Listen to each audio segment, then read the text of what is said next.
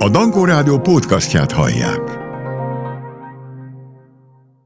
Én azt hittem, hogy a lipicai lófajta az elsősorban magyar, de hát már a neve sem magyar szóból származik, és az UNESCO Szellemi Kulturális Örökség nemzetközi jegyzékére nyolc állam közösen terjesztette föl a lipicai lótartás hagyományát.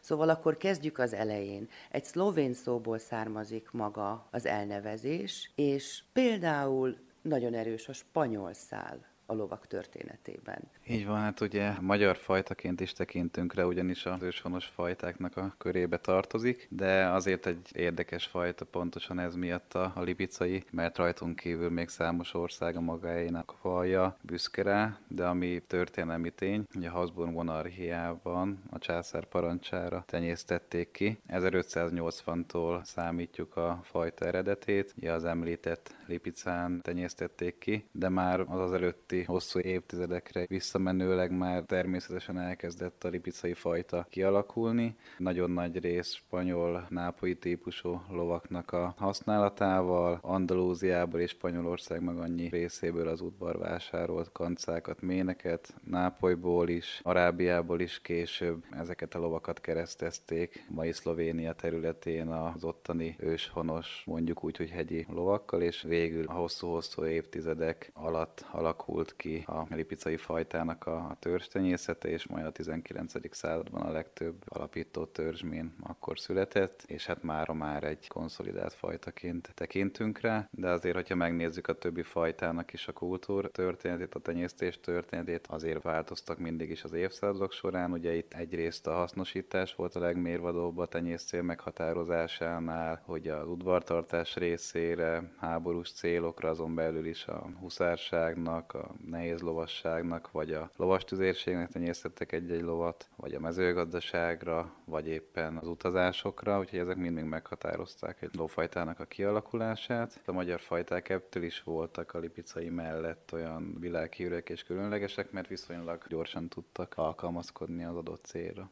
Miért fontos az, hogy karstvidéken kell, hogy éljenek? Tehát nem egy síkságon, és ez a történetében is nyomon követhető a lipicai fajtának, mert hogy mezőhegyesre kerültek a lovak, de ez bizonyos változásokat kezdett okozni a fajtában, aztán utána elmentek Erdélybe, onnan Bábolnára, és aztán utána kerültek oda, ahol most is vannak, a bükkbe.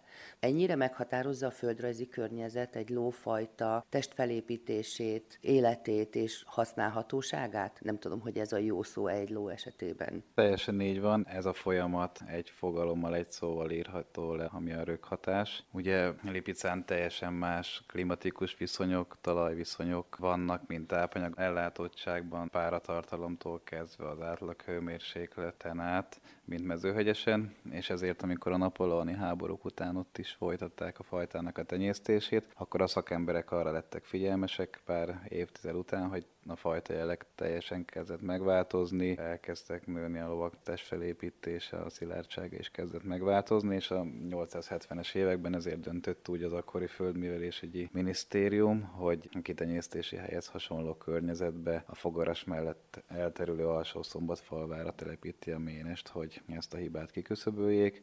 Utána Bábolnára került, ami szintén egy hasonló adottságokkal rendelkező terület, mint Mezőhegyes, de ezt akkor már a szakemberek tanulva az elődjeik idézéles hibájából csak egy ideiglenes állomásnak tekintették. Voltak olyan tervek egyébként még a 20-as évek végén, hogy a Bakonyban keresnek helyet a fajtának, de aztán közbeszólt a második világháború, és egy bajorországi kitérő után Szilvásváradra előbb Csipkéskútra került a ménes, és hát kijelenthetjük, hogy ez a leghosszabb időszak, amikor békében élhetnek ezek a lovak.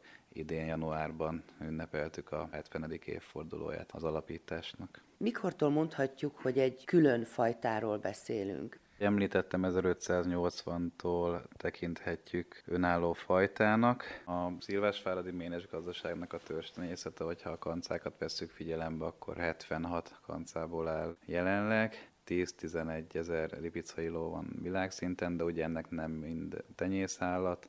úgyhogy erre a példás nemzetközi együttműködésre a külföldi ménesekkel, hogyha őszinték akarunk lenni, rá is vagyunk szorulva, hogy a genetikai variabilitást fent tudjuk tartani, ezért szükséges a különböző tenyészcsere programok keretein belül a mének és a kancáknak a cseréje.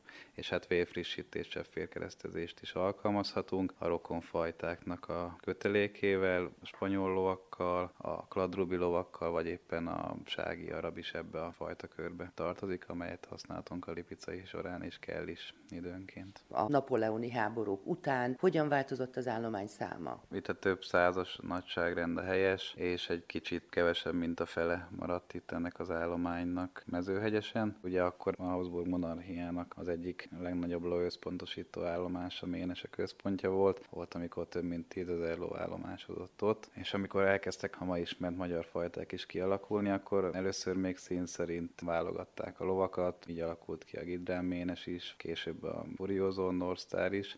A Lipicai az egy kicsit mindig különálló volt, ez egy élő folyamat évszázadok óta. Hogy néz ki egy lipicai ló? Honnan ismerjük meg?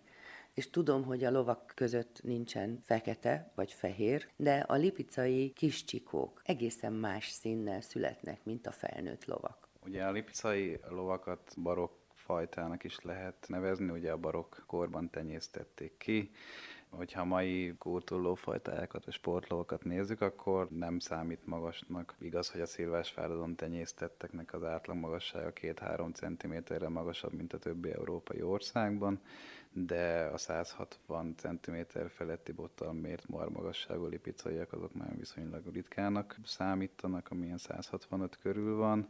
Emellett egyébként nagyon nemes lovak, nyakuk az magasan élesztett, sokszor rövid, jól izmolt farúak. Itt az ügető mozgás mondjuk a múlt századnak az elején nagyon akciós volt, és felfele haladó mozgás volt az elvárt, aztán a fogadhajtásnak köszönhetően most már a térről elő mozgással rendelkező lipicai lovak tenyésztése is elvárás. Emellett tényleg egy nagyon intelligens, tanulékony fajta, rendkívül szilárd szervezetű, hosszú hasznos élettartó, ami azt is eredményezi, hogy egy kicsit később érő fajták, míg egy angol telivérrel már két évesen versenyeznek, addig mi egy lipicai fajtával három, de inkább négy évesen kezdünk el dolgozni, és mire érdemben tudunk velük versenyezni, vagy másra használni már 5-6 évesek, viszont nem ritka, hogy még 20 év körüli vagy feletti lovakkal is versenyzünk. A színt említette, ugye 99%-ban fekete színben születnek, vagy sötétpej színben a lipicai lovak, és majd az évek során a legnagyobb részük egy őszülési folyamatnak köszönhetően kiszürkül 5-6 éves korukra. Elfogadott azonban a fekete, a pej, sőt még a sárga szín is, de azt szoktuk igazából mondani, hogy a minden 100-150 elég csikó marad fekete, úgyhogy azért tényleg ritkaságnak számít. Vannak olyan ménesek, mint például Erdélyben, Betlemben, ahol csak a fekete libicaikat tenyészik, tovább arra szelektáltak, de az az igazság, hogy a divat is meghatározta a történelemben, hogy a lipicai fajtára inkább a szürke színben gondolnak az emberek. Ez igazából a Bécsi Spanyol Iskolának köszönhető, ha megnézzünk egy 150 évvel ezelőtti Lipicán készült festményt, ott még bizony minden színben, még fakóban is találunk lipicai lovakat, és a múlt század forduló környékén Bécsben vált úgymond divattá a szürke szín, és hát ez a mai napig is ő irányvonal. Említette, hogy elsősorban harci lovak voltak a lipicaiak. Hogy kerültek ebbe a bizonyos spanyol lovasiskolába? És azt hiszem, hogy a legtöbb hallgatónak a spanyol lovasiskola kapcsán beugrik, hogy milyen gyönyörűen tudnak ezek a lovak szinte táncolni. Ugye a spanyol lovasiskolát Bécsben, amikor megalapították, akkor részben egy reprezentatív célja volt a nemesi testőrség tagjaitól kezdve számos nemes ott lovagolt képezték, ezek az iskolaugrások, vagy a magas iskolának az elemei, azok mind a csatáknak a forgatagából, vagy a háborús időkből jöttek. Szoktunk is, nem azt mondom, hogy vitatkozni, de ez egy szokott egy kérdés lenni, hogy mondjuk a négy éve újra alapított Magyar Huszárság tagjai miért lipicai lovakon ülnek, amikor a Gidrán, meg a kisbéri lovak voltak az igazi huszárlovak, a tiszteknek, meg a legénységnek a lovai.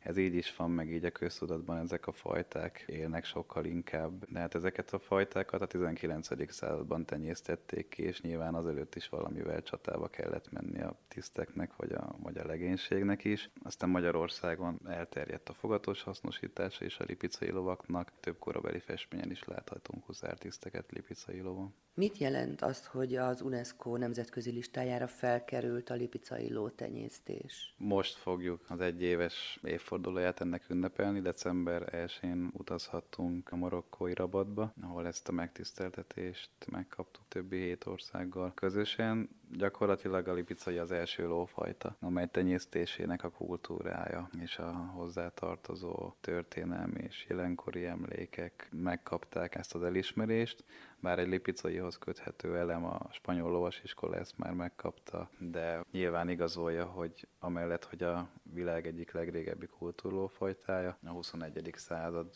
lovas életében és kultúrájában is helye van.